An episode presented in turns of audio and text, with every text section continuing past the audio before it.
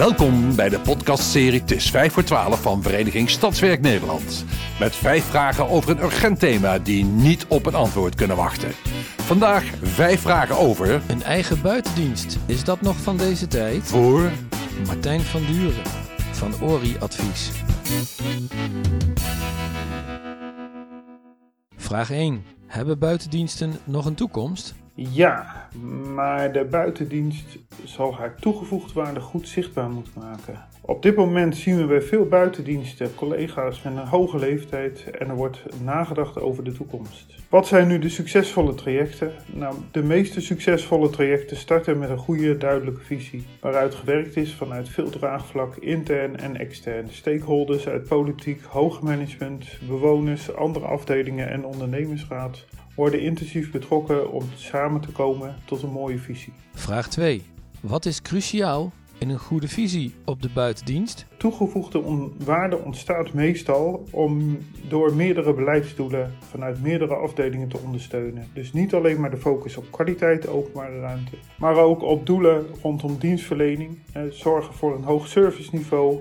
Bewonerstevredenheid hangt voor een groot deel samen met uh, de communicatie. Hoe doen wij dit? Verder het ondersteunen van bewonersparticipatie. Waar mogen bewoners zelf wat doen? Waar kunnen wij uh, dat niet toelaten? De arbeidsparticipatie. Zowel de quotumregeling als doelgroepenregister als een goede opleiding daarbinnen. En hoe zorg je dat je ook doelen rondom duurzaamheid in de buitendienst implementeert?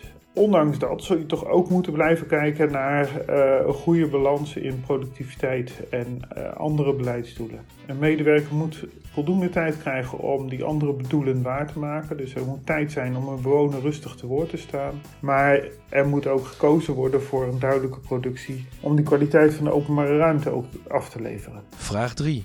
Hoe efficiënt moet een buitendienst zijn? Naast dat er ruimte moet zijn om alle beleidsdoelen waar te maken, is efficiëntie zeker van belang.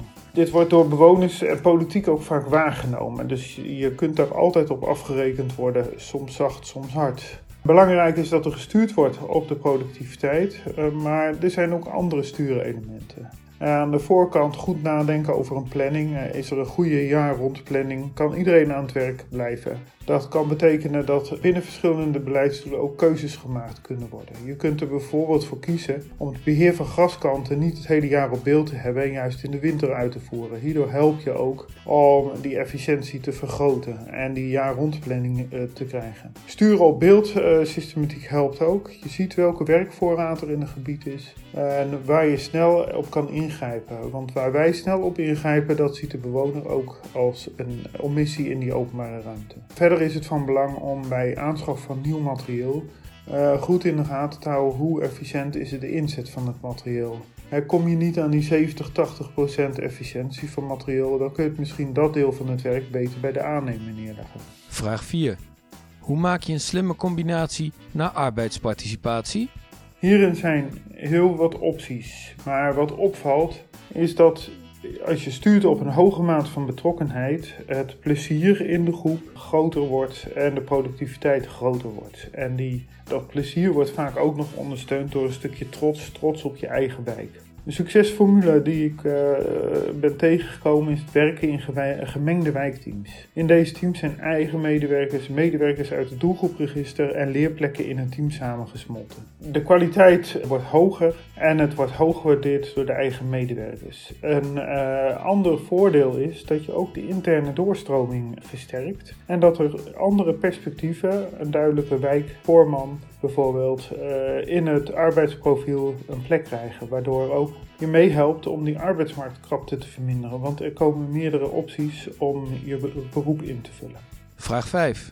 Moet een buitendienst altijd in gemeentelijke dienst vorm krijgen? Nee, maar belangrijk is en blijft dat de visie goed wordt uitgevoerd en dat er ook een hoge mate van betrokkenheid is tussen beleid en uitvoering. Juist ook omdat er zoveel verschillende doelen gerealiseerd moeten worden. De organisatievorm kan ook bijvoorbeeld door het plaatsen van het werk bij een gelieerde partner, bijvoorbeeld een reinigingsbedrijf of een SW-bedrijf. Maar je zou ook kunnen kiezen voor een overheids-NV. Belangrijk is goede afspraken, een duidelijk DVO, maar alsjeblieft niet te dik En vooral een hele hoge mate van communicatie. Heb je continu dezelfde bril op? Heb je het over Dus samenvattend, een buitendienst heeft toekomst. En er zijn juist heel veel extra uh, doelen te halen door met een eigen dienst te werken. Maar ook lastig, want je moet wel een duidelijke focus zetten op wat je wil bereiken. En daar moet de lijn in gestructureerd worden uitgewerkt. Succes met jullie buitendiensten! U luisterde naar Het is 5 voor 12, een podcastserie van Vereniging Stadswerk Nederland. Heeft u zelf een urgent thema met vragen die niet op een antwoord kunnen wachten? Mail het dan naar info.stadswerk.nl onder vermelding van podcast. Dank voor het luisteren.